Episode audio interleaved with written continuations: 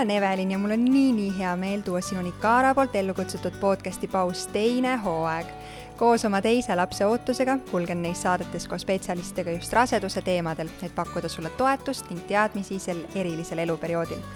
tänase saate keskmes on rasedusaegsed peavalud. ämmaemand Anneli jagab saates infot selle kohta, millest peavalud põhjustatud võivad olla, kuidas neid leevendada ja millal otsida abi. samuti räägime raseduse ajal veremahu suurenemisest, kuidas see enesetundes väljenduda võib ja kiirenenud südametegevusest. head kuulamist!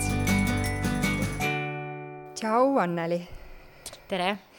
ma tahaksin rääkida sinuga täna ennekõike peavaludest äh, raseduse ajal äh, ja, ja veel ennekõike esimesel trimestril. Ähm, see on miski, mis mind ennast äh, nii esimese raseduse puhul puudutas, kui ka nüüd pean ütlema, et teise puhul on ähm, neid ette tulnud. ehk siis mul endal oleks väga põnev selle kohta rohkem teada saada ja ma usun, et ma ei eksi, kui ma ütlen, et see on suhteliselt sage või väga paljud rasedad kogevad peavalusid ühes või teises olukorras, siis ma usun, et see, need teemad on ka väärtuseks äh, paljudele kuulajatele. aga et äh, see teema võib-olla siis kuidagi mm, sellega algust teha, mis põhjusel need peavalud raseduse ajal tekkida võivad? no kui me peavaludest äh, üldisemalt räägime, siis peavalud on tegelikult väga sage probleem üldse nagu naisterahvastel. et need ei ole ainult rasedusega seotud, vaid erinevate noh, eluetappidega. Ja sageli on nad siis, kui me räägime nüüd rasedusaegsetest peavaludest, siis seda veel äh, mõjutavad ka mm, raseduse hormoonid nagu östrogeen ja progesteroon. Aga võib-olla siis peaks nagu äh, vaatama kõigepealt sellest ähm, kohast või sellest nagu vaatevinklist, et kas on juba eelnevalt olnud neid peavalusid. ehk et äh, naised, kes üldse kannatavad äh, peavalude all oma elus, nad sageli ka võib-olla oskavad juba seostada, et millest need siis nagu, millisel hetkel tal need kõige sagedamini tekivad ja siis ikka neid samu vahendeid või ennetamise viise kasutada, mida siis ka nad enne seda rasedust tegid Äh, kui nüüd nad äh, hakkavad ainult äh, raseduse alguses tekkima, et ehk et siis seoses nagu selle rasedusega, siis kindlasti seal on oluline vaadata üle oma toitumine, vedeliku tarbimine, et rasedal võiks siis kogu aeg väike veepudel kaasas olla, et see sage nagu vedeliku tarbimine võiks siis seda aidata. Äh, samuti me siis äh, soovitame nendel peavalu kannatavatel äh, naistel ka tarvitada iga õhtu magneesiumi, et siis see soovitav on kuussada milligrammi, kindlasti võiks olla see kogus. ja seda võiks siis iga õhtu tarvitada, et siis ka ma oma patsientidel olen tähele pannud, et mõnedel see siis aitab hästi ja nad räägivadki, et siis see magneesiumi tarbimine on neid peavalusid vähendanud. Äh, siis äh, sõltuvalt ka meie kliima eripäradest, et äh, kui meil on sellised ähm, vähem päikselised noh, nagu päevad, et siis kindlasti võiks ka seda D-vitamiini nagu tarbida, võiks seda C-vitamiini, et üldiselt selline D, C ja D-vitamiini, C-vitamiini ja selline magneesiumi ühi-, noh, koos tarbimine võiks siis ka seda peavalude hulka nagu vähendada mul on endal olnud äh, peavaludega suhteliselt äh, pikk äh, minevik ja täna ma küll, ma olen küll igasugustel erinevatel uuringutel käinud nende raskemate peavalude ja, ja migreenihoogude siis perioodil ka, täna õnneks ja nüüd juba mitu aastat ma ei ole migreenide kui sellistega pidanud kokku puutuma, aga oma pika ajalooga peavalude osas ma tean seda, et on väga erinevad peavalud, et kas need on pingepeavalud või millest need nagu tulevad. kas kuidagi raseduse ajal on ka eristatavad, äh, et kellel ei ole varasemalt peavaludega suurt kogemust ja kokkupuudet olnud, et milline nii-öelda see hormoonide põhjustatud peavalu on või see ei ole väga selgelt äh, kaardistatav? no seda väga nagu selgelt jah, ei saa niimoodi äh, kaardistada, et küll saab seda, sellele migreenil on, eks ju, kindlad nagu nii-öelda dia-, diagnostilised kriteeriumid, mm, -hmm. et kellel ikka tekivadki juba sellised noh, aurad ja tekib siis see iiveldus ja tekib nagu nägemishäire, et siis seda võib nagu hakata mõtlema, et kas seda võib siis nii-öelda selle migreeni tüüpi peavalu alla äh, nagu kaardistada aga noh, tavaliselt jällegi siis juba no, no, naisel on need eelnevad kogemused nagu selle peavaluga olemas aga noh, ja ikkagi üks äh, sagedasemaid põhjuseid ongi see pinge peavalu. ja kui me nüüd räägime sellest äh, rasedusest, siis see raseduse algus on ka noh, selles mõttes nagu äh, positiivne nagu stressiseisund, kui me nii ütleme, aga ikkagi ta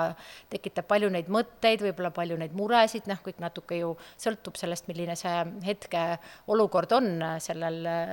beebiootel nagu naisel. et kindlasti see on ka nendest pingetest tingitud ja eks ka hästi palju on see seotud ka meie äh, tänapäevase e-, elu selle kiirusega, et, et kui on hästi mhm. palju noh, kiired, ütleme, töö, töökorralduslikud pooled ja ka võib-olla mm, rase peab hästi palju näiteks reisima või noh, nagu hästi kiiresti seda mm, keskkonda muutma, et siis kindlasti see ka nagu jälle soodustab seda pea, peavalude nagu teket aga noh, mulle ämmaemand on, on nagu jälle keeruline öelda, et ärge nüüd stressake, võtke nüüd rahulikult, et eks see elu läheb ju ikkagi nagu edasi, hoolimata sellest, et te jääte nagu lapseootele, et et siis peab lihtsalt ise natukene vaatama, et mis see võiks olla, aga noh, kindlasti saab nagu toitumisega seda proovida reguleerida. Ja võib-olla ka, et kellel nüüd need peavalud nagu sagedasemad on, et siis äh, meie üks väga hea neuroloog Eestis, Toomas Tooms, on andnud ühe väga hea raamatu välja, kus ta ka pikalt nagu kirjeldab neid erinevaid peavalusid, toob seal välja ka need äh, toitained, mida võiks nagu, mis siis võiks nagu nii-öelda kirjanduse allikal seda peavalu soo-, äh, soodustada, millest siis võib-olla peaks nagu loobuma et eks siis noh, et seda raamatut võib ka nagu natukene lehitseda, et kellel siis sellised sagedamini esinevad peavalud on. ma siin selle hooaja varasemates saadetes äh, olen jaganud ka põgusalt, et äh, esimese raseduse puhul äh, iivelduse kui sellisega ma väga suurt kogemust ei omanud, küll aga mul olid sagedased peavalud esimesel trimestril. ja ma kahjuks ei mäleta, kuidas või äkki ma isegi sel hetkel ei osanud jälgida, et kuidas need äh, äh, peavalud algust said või millest need vallandusid, kuigi ku,, aga nüüd ma teise raseduse puhul olen küll väga selgelt näinud, et need on ikkagi sellised minul, minu jaoks klassikalised pingepeavalud, mis hakkavad silmapõhjast, et mm -hmm. kui ma olen kas pikemalt ekraani taga või teen nagu väga keskendunud, süvendun-, süvenunult äh, tööd, äh, siis ja ilmselt ei võta seal vahel ka piisavalt palju puhkehetki ja ei vaata kaugusesse ja ei, sellist loomulikku valgust ei näe, vaid olen selle ekraani valguse taga, siis see äh, on justkui nagu selline suur äh, kuidas siis öelda äh,, põhjus minu viimastel peavaludel, mis on olnud. Äh,, aga mis on nagu huvitav olnud teise raseduse puhul, on see, et, et kui esimese puhul äh, need peavalud hakkasid vist seal seitsmenda nädala paiku ja üheteistkümnenda nädalaga lõppesid, siis nüüd, kui iiveldus kümme-üksteist nädal lõppes uh, -huh. siis mhm. peavalud algasid. et kuidagi selline nagu tagurpidi olukord või, või teistsugune, millega ma siis äh, nüüd õnneks, kusjuures peavalud ka viieteistkümnendal nädalal on hakanud äh, järele andma, aga midagi, millega ma uh -huh. pidin toime tulema. ja, ja vahel ma ka nagu soovitan, noh, mida ka teinekord ju mõni rase kohe alguses muudab väga kardinaalselt oma seda toitumist, kui ta teab, et ta jääb rasedaks, et noh, räägitakse küll ju sellest kofeiini tarbimisest ja kõikidest asjadest, et jälle, kui keha on harjunud noh, näiteks iga hommiku jooma kohvi ja siis sa otsustad, et ma nüüd nagu täna hommikust enam ei joo kohvi, et siis tekivad ikkagi nagu needsamad noh, need ärajääma nähud on ju, ka võivad tekkida peavalud, et et noh, tegelikult võib-olla ei ole vajalik, noh, kui sul nüüd muidugi noh, teine asi, kui sul on väga tugev iiveldamine, et siis sa jällegi ei saa juua, et noh, see ongi see iiveldamise, oksendamisega on ka sageli see, et sa ei saagi ju korrektselt toituda, sest sul on lihtsalt kogu aeg niivõrd äh, nagu halb olla. sellest siis võivad need noh, nagu need ka pea, pea, peavalud tulla. aga noh, siis võiks kindlasti ka pöörduda, et sellest iiveldamisest, ma arvan, te vist eelmisel korral rääkisite, et sinna ja. meie erakorralisse vastuvõttu, kus saab siis ka vastavat nagu ravimit teha aga et jah, et ikkagi võiks ka proovida siis, et ma ikkagi võtan siis selle tassi kohvi või, või võtan siis äh, Coca-Colat, et ka mõnikord sellest vererõhu nagu äh, madalast vererõhust tekivad need peavalud, et see jälle sõltub natuke meie ilmastikust, et kõik on omavahel nagu seotud, eks me ise ju ka tunneme, et, et mõni päev, mis on väga udune ja, ja noh, väga selline tume, ütleme õues väga halva ilmaga päev, siis ka meil on, meil en-, enesetunne on halvem, eks ju. et eks siis äh, selles mõttes võib ka ikkagi nagu neid selliseid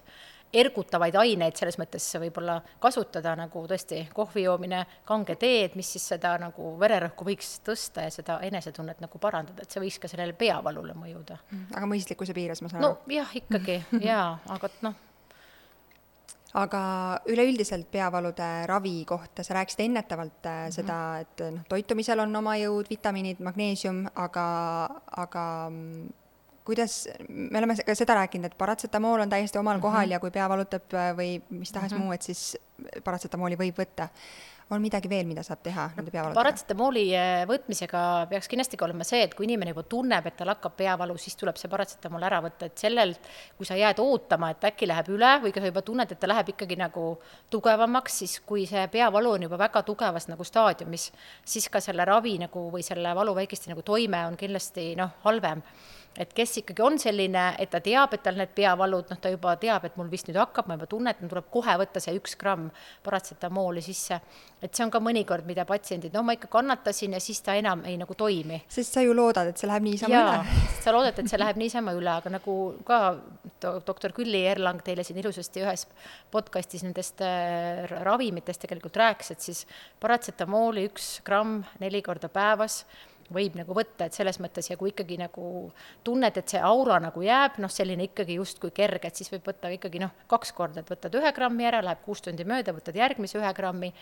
et selles mõttes ikkagi saab ennast nagu aidata. Nüüd, mis puudutab neid äh, migreeni noh, nagu ravimeid, et siis seal on ikkagi juba kindlad nagu ravimid, kes siis neid migreeniravimeid igapäevaselt või noh, igapäevaelus tarvitab, et siis peab ikkagi korra perearstiga koos need vaatama üle, et milliseid nagu ravimeid võib siis selle raseduse ajal nagu võtta et neid jah, nagu päris äh, ämmaemand seal iseseisvalt ei nagu soovita. aga peavalud on miski, mida ikkagi ämmaemandale tasub äh,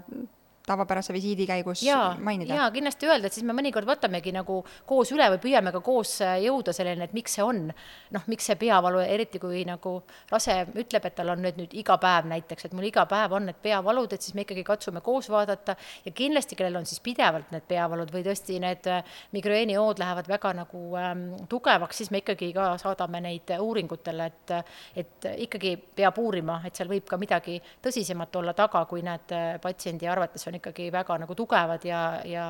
noh, väga sagedased aga kuidas üldse aru saada, sa tõid siin selle indikaatori, et iga päev pea valutab. ma saan aru, et peavalu võib olla ka sümptomiks mõne tõsisema terviseprobleemi korral, aga kuidas aru saada, et kas see on nagu lihtsalt nendest hormooni, hormoonidest tingitud peavalu või, või tegu võib millegi kriitilisemaga olla? no kui nad ongi lihtsalt nagu ikkagi pidevalt esinevad, et ja ka sellega hakkavad kaasnema mingisugused äh, nägemishäired, et ta ütleb, et silmade ees näiteks on äh, kogu aeg udune või tal hakkavad tekkima mingisugused äh, tasakaaluhäired, et siis ikkagi tuleb nagu jah, erakorralisse vastuvõttu pöörduda, et siis saab ka uurida, sest ega tavaline peavalu tavaliselt ei esine ju selliste tasakaaluhäiretega, nägemishäiretega, et noh, selline ühekordne mi-, migreenihoog võib selline olla, aga et kui nad ikkagi on ähm,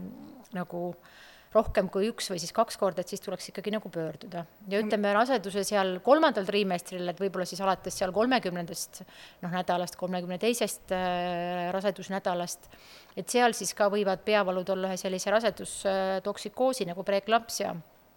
tundemärgid, millega siis küll muidugi kaasneb veel äh, nagu selliseid kõrvalekaldeid, aga ikkagi, et kui nad äkki nagu hakkavad tekkima ja rase paneb siis ka tähele, et tal on võib-olla suuremad nagu tursed tekkinud ja võib-olla hakkabki mingi kõrvades kohin ja ütleme, nägemise probleemid, et siis kindlasti võiks ikka sinna ämmaemanda vastuvõttu nagu pöörduda, kus me saame siis kontrollida. üks teema, mis vist otseselt peavaludega ei haaku, küll aga meie keha võib, või selle kohaga, millest me räägime, on pearinglus mm. -hmm. kas see on tingitud sellest, et äh, rasedal veremaht suureneb nii tohutult ja hüppeliselt kehas või, või millest see on tingitud, mida mm -hmm. ka mhm. paljud kogevad? no pea nagu äh, ringluse sellise minestamisega ka, et see on ka selline sage, raseduse alguses just on ta nagu sagedasem, et just ka on paljudel ka tingitud sellest madalast vererõhust või üldse vererõhu kõikumisest ja samamoodi ka siis see, ta võib olla seotud sellega, et kui sul ei ole väga palju isu, et sa sööd vähe jällegi, et võib-olla ei noh, ei joo piisavalt, et siis kõik nagu tekib selline üldine noh, nagu nõrkus, et, et see on ikkagi seesama, et et rasedal peaks olema see väike vee, veepudel kogu aeg nagu kaasas. Ja noh, kui me jällegi, mis me oma nagu rased, rasedate puhul olen tähele pannud, et osad ongi nagu sellised noh, nagu minestaja tüüpi, et mõni inimene ütlebki, et ma olen üldse ka väga nagu sage minestaja. Ja mõnel noh, teisel inimesel pole seda mitte kunagi olnud elus, et eks see on jälle iga inimese eripära, kuidas temal see nii-öelda, kuna jah, see veremaht ju raseduse ajal nagu suureneb nii palju, et siis ka sellest noh, nagu tingitud võib olla, et see pea nagu ringlus tekib, et ähm, aga on seal ka kuidagi mõõdetav, et mis jääb normi piiresse ja mille puhul peaks otsima abi? noh, tegelikult selle pea nagu äh, ringlusega otseselt nüüd ma arvan, et ei peaks nagu otsima, et see ongi see, et sa pead siis nagu panema seda tähele, et see ka natukene sõltub ju ilmast, kui on noh, näiteks palavad ilmad või sul üldse nagu on palav, et tekib see õhupuudus, et kui nüüd ikkagi täitsa tugev selline äh, hapnikupuudus tekib inimesele, et inimene nagu tunneb äh,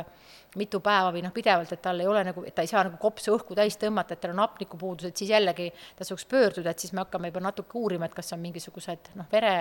vere nagu probleemid, et miks siis seda hapnikuga rikastatud verd ei nagu jõua piisavalt aga sellised äh, ühekordsed või, või kerged, et kui sellest nagu aitab, kui ma ütlen rasedale, kui sa teed, tõused istuli ehk muudad oma asendit, teed akna lahti ja siis sul noh, piisab, et sa saad nagu jälle -hmm. tavapäraselt hingata, pearinglus kõik sul möödub, siis see on nagu rasedusaegne. kui sul sellega seoses paremaks ei lähe, ehk sa muudad oma asendit ja sul kuidagi üldse ei lähe paremaks, ikkagi nagu tundub, et seda hapnikku on vähe, no siis tuleb nagu natukene hakata mõtlema, et kui on võimalus, saab, kas saab kodus vererõhku mõõta või siis jah, tuleb võib-olla pöörduda sinna ämmaemanda või poole või erakorralisse? ma ise olen kogenud seda, et äh, raseduse alguses äh, ma ei kannata teha kiireid äkilisi liigutusi mm, -hmm. et kui väga kiirelt voodist üles tõusta, tegelikult see vist äh, alati nii või, või tihti nii, mitte ainult ka raseduse ajal, aga selline väga kiirelt äh, voodist hommikul üles tõusmine ja siis seisad püsti, mõtled, oot-oot, terve maailm käib silme ees ringi, et äh, et siis ma olen endale meelde jätnud, et Evelin, võib-olla tule natukene rahulikumalt mm -hmm. voodist äh, püsti. aga teine asi, mis äh, ma jällegi ei mäleta, et ma esimesel korral, korral oleksin kogenud, mida ma nüüd olen tundnud, et äh, ma ei saa, ma ei saanud mingil äh, perioodil, ma, ma arvan, seal kaheksa kuni üksteist nädal pikalt seista või kuidagi, et ma tahtsin nagu seda pead allapoole panna või, või istuda, et äh, siis nagu seismisega kippus see pearinglus äh, tulema, küll mitte minestamistunnet, aga just sinna pearingluse, et, et mul on korraks vaja kuskilt kinni hoida mm. -hmm. no eks see ongi, et ju kui me mõtleme, et kus, kus asub meie beebi, et beebi asub ju tegelikult siin kõhus, eks ju äh,, emakas, et siis nagu ja, ja seal nagu toimub siis, mida rohkem see, mida suuremaks see rasedus kasvab, seda rohkem ju seda, seda verevoluumenit sealt nagu käib läbi. ehk et noh, mingis noh, nagu mõttes on seda verd rohkem siin nagu südames ja siin allpool kehas, kui on siin peas. et noh, see on ka sellest nagu tingitud, eks ju, et see et see vere mm, nagu ringlus on hästi aktiivne läbi selle emaka ja selle beebi ja, ja teda natukene vähem võib-olla ja noh, nagu ringleb siis inimese ajus, et sellest siis ka tingitud, et sul tekib nagu see pea nagu ringlus justkui selline hapniku nagu puudus kerge aga mis eks... hetkel raseduses või see esimesel trimestril, aga millal see ähm, nii-öelda veremaht suurenema hakkab? no ta hakkab ikka kohe nagu tegelikult äh, raseduse algusest, aga okay. noh, alguses on muidugi seda äh, beebi ja kõik on niivõrd nagu väike, et selles mõttes on seda nagu vähe, aga noh, ikkagi hiljem see noh, veremaht peaaegu kolmkümmend protsenti ta nagu tõ-, tõuseb, eks ju, et seda on nagu tunduvalt rohkem on verd noh, nagu raseda naise organismis kui siis mitte nagu raseda, nii et ähm, ma ise olen kogenud seda, et äh, selle mm, ma tean, et äh, janu raseduse ajal, me jõuame sellest ka tulevastes mm -hmm. saadetes rääkida, aga ei pruugi olla just väga hea märk, sest see võib viidata gestatsioonidiabeedile. on mul õigus? jah, aga noh, mitte iga nüüd nagu janu, et ikkagi öeldakse, et siis just. selline pidev suu nagu kuivus ja. Mm -hmm. aga, aga selline äh, janu Ehm, tunde suurenemine on ka eh, tihti seostatud, ma saan aru, selle vere hulga suurenemisega mm. -hmm. et seda ütles mulle eh, viimasel visiidil ähm, doktor Liina Rajasalu, kelle juures mm -hmm. ma käisin ja kuidagi tuli välja see, et mul on janu ja siis ta ütles, et aga Evelin, sa imetad ja mm -hmm. vere hulk on suurenenud, et see on praegu tegelikult mm -hmm. väga mhm. okei okay.. et see vedeliku nagu vajadus on just. tunduvalt suurem äh, just. inimese organismis ja loomulikult see jälle meie, kui me räägime Eestist, sõltub meie kliimast, eks ju. et kui on talv, siis me võib-olla väga palju ei noh, kipu seda vett nagu ka jooma, mis noh, on ka ju tegelikult äh, normaalne. et võib-olla selline minestamine, pearinglus äh, äh, on tegelikult ka rohkem kindlasti meie nagu suvekuudel, eks ju, et kus meil on umbsem, kus meil on palavam või kui ka noh, nagu ma panen tähele, kui nendel, kes siis on nagu talvel noh, beebiootel, eks ju mis selle verehulga suurenemisega, kas ma ütlen verehulga, veremahu mm, -hmm. ütlen ma mõlemad võib öelda jah, ikkagi. mis sellega veel kuidagi seostub äh, või mil-, mis, milliste sümptomitena see veel kuidagi avalduda võib? no see võib ka siis avalduda nagu selle pulsi äh, kiirenemisena, et see on ka sageli, mida nagu rasedad, kui nad ähm, tulevad, ütlevad, et nad äh, tunnevad, et pulss on neil tunduvalt kiirem et kui nad äh, teevad kiiret kas kõnnakut või siis kes on harjunud näiteks äh, treeningutes käima, siis nad nagu saavad aru, et nende pulss väga kiiresti läheb üles, et see on ka tegelikult seotud sellega, et see veremaht suureneb, pluss siis sellega, et ähm, ema süda ajab nüüd ringi kahte vereringet, eks ju, ennem ta te tegeles ainult ühega, nüüd tal on kaks äh, nagu seda vereringet vaja seal äh, töös hoida, nii et, et see pulss nagu rasedal ongi kiirem ja see on ka tegelikult täiesti äh, no, no normaalne, et rasedad, kes siis, äh, kes on harjunud nagu äh, treenima ennast, kes on juba enne, eelnevalt olnud nagu treenitud ja kelle pulsid on tegelikult tavapärases elus hästi madalad, sest noh, treenitult inimestel on pulss madal, et siis see võib ka mingil hetkel neid ära ehmatada, et mu pulss on nüüd kiire. et siis peab kindlasti vastavalt sellele pulsile oma neid nagu treeninguid tegema, ehk siis seda treeningmahtu tuleb nii palju noh, nagu vähem, vähendada, et see pulss siis ikkagi püsiks, et ema tunneks nagu ennast hästi. nüüd nagu tavainimesel lihtsalt siis, kui ta peab kiiresti noh, jooksma või siis kõndima kiiremalt ja kui see süda hakkab nagu taguma, ehk tekib nüüd see tahvukard ja siis lihtsalt tuleb seista, hingata, et see läheb mööda. see käib nagu sellega kaasas, et see ei ole nagu mingi selline kõrvalekalle, aga lihtsalt, et jah, seda, see mõnda nagu naist hakkab, hakkab nagu häirima, see südame pekslemine aga on see miski, mis avaldub äh, nii, nagu sa välja tõid siin treeningu või liikumisega või see võib ka täiesti tavapärasel, ma ei tea, diivanil äh, telekat vaadates hetkel no kui ta nüüd ikkagi täitsa valmida. nagu rahuolekus on ja ütleme, nagu äh, rase ikkagi kurdab, et see tal on äh, pidevalt, hoolimata sellest, kas ta teeb midagi, siis muidugi me alati ka ämmamandana vaatame, et kas tal ei ole äh, rauda organismis liiga vähe. et see on ka üks nagu siis sellise rauavaeguse tunnusmärk, kui inimesel kogu aeg, et tal pole nagu jõudu äh,, ta ei saa võib-olla piisavalt hingata ja pulss läheb siis hästi kiireks et siis eh, noh, kuna rase käib korra kuus kindlasti ämmamanda juures, siis me alati kõik sellised asjad noh, vaatame nagu koos üle. et, et millised on need kaebused ja siis kindlasti seda, seda vere, verenäitajat saab siis ka kontrollida, et kas see hemoglobiini tase on piisav. aga selle võimaliku tahükardia puhul ei nagu sellist iseenesest liigselt muretsema ei pea, et seda mainida siis tavapärasel ämmaemanda visiidil. Aga, aga justkui erakorralisse jooksma ei pea, kui no niimoodi seda. ei pea jah, kui nüüd äh, tekivad päris sellised noh, tugevad nagu ekstra mingid süstolid, et ikkagi noh, nagu äh, rase tunneb, et tal see süda jätab kogu aeg ka neid lööke vahele ja ütleme, et ta nagu tunneb ennast nagu halvasti, no siis võiks ikkagi pöörduda, sest et noh, siis ka on äh, sellises haiglakeskkonnas võimalik seda kardioloogi konsultatsiooni teha ja noh, teine asi on ka veel, et äh, mõnikord sellise tahkukardiaga äh, saab ka nii-öelda seda paanikahoogu nagu seostada, et mõnikord ka tekivad sellised noh, vaimse tervise häired nagu paanikahoog, äh, aga tavaliselt seal on siis ka muid neid noh, tunnuseid, et naine kas on siis midagi Äh, millegi ees väga hirmunud või ta midagi väga tugevalt kardab, et ka sellised, äh, sellise väga tugeva nagu paanikahoo ja ütleme, tahükardia puhul või siis, et see südame pekslemise puhul, siis võib ka jälle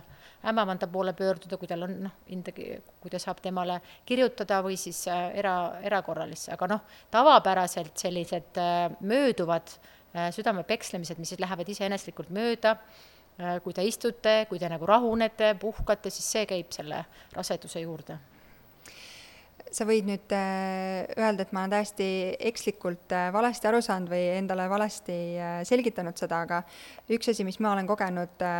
on see, et isegi mitte mm, pulss ei ole kuidagi tavapärasest kiirem, aga ka rahuolekus, et kui mm, ma ei tea, kas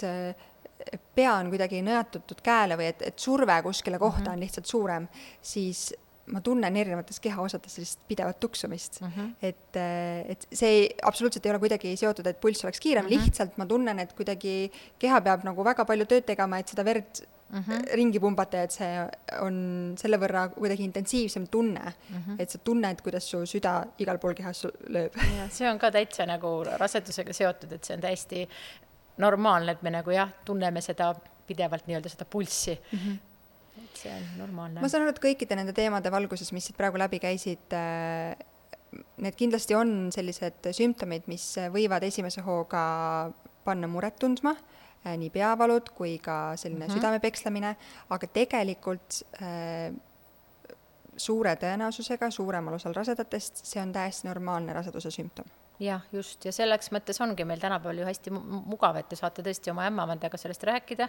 Ja ämmaemand oskab kindlasti vastavalt juba teie eelnevale anamneesile ka seda hinnata, et kas ta nüüd peaks midagi rohkem, mingeid noh, lisauuringuid näiteks seal teie puhul tegema, et need alati äh, kõik sellised kaebused ju tegelikult neid ei vaadata nagu üksikuna, et noh, ainult peavalu või siis ainult seda südame pekslemist või siis ainult äh, iiveldust vaid me ikkagi vaatame seda inimest nagu selles mõttes, et milline on tema eelnev mingi anamnees, kas tal on mingisuguseid muid haigusi, et see nüüd ongi nagu see ämmaemanda pädevus siis osata tegelikult sealt noh, hinnata, et, et sinu puhul on see tegelikult kõik nagu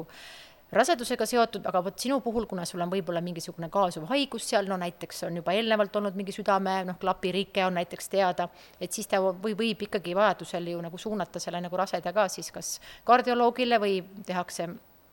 tänapäeval saab ka näiteks, kui on mingisugused vererõhu, äh, meil on vaja hinnata neid äh, raseda seda äh, vererõhku, saab panna selliseid andureid peale, et selles mõttes see on nüüd nagu see ämmaemanda pädevus, et kindlasti pöörduda sinna ämmaemanda poole, et ainult siis läbi selle Google'i ei ole nagu noh, vaja neid diagnoose panna, et see või noh, kogu seda lugeda, et see tekitab lihtsalt liigset seda stressi.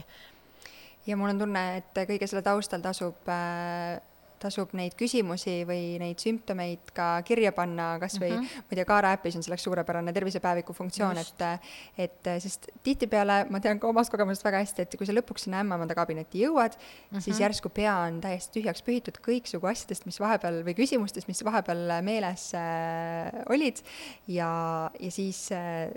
kui on võimalik neid vastuseid saada ja, ja, ja siis anda teada spetsialistile, kes võib-olla oskab suunata või juhiseid anda, mida või kuidas teha, siis need ei ole meeles, nii et tasub äh, üles kirjutada. Ähm, jaa, kindlasti tasub panna, et see on nagu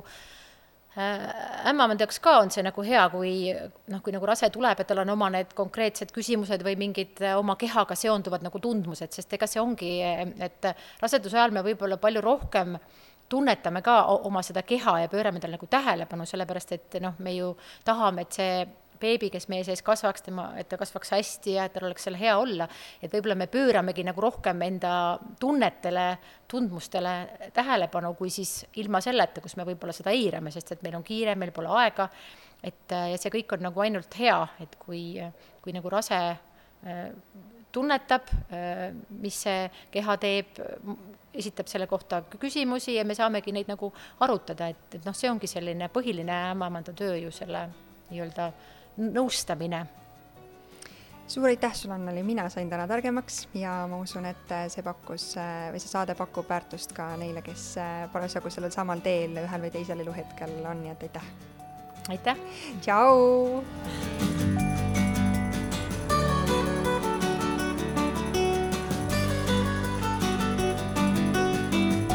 Saate tõi sinuni Kaara, sinu partner personaalseks raseduskogemuseks. Kaara äpp on kõige populaarsem rasedusrakendus Eestis, mida kasutab iga teine lapseootel naine. kogu info äpi ning Kaara heaoluteenuste kohta leiad kaarahelt.io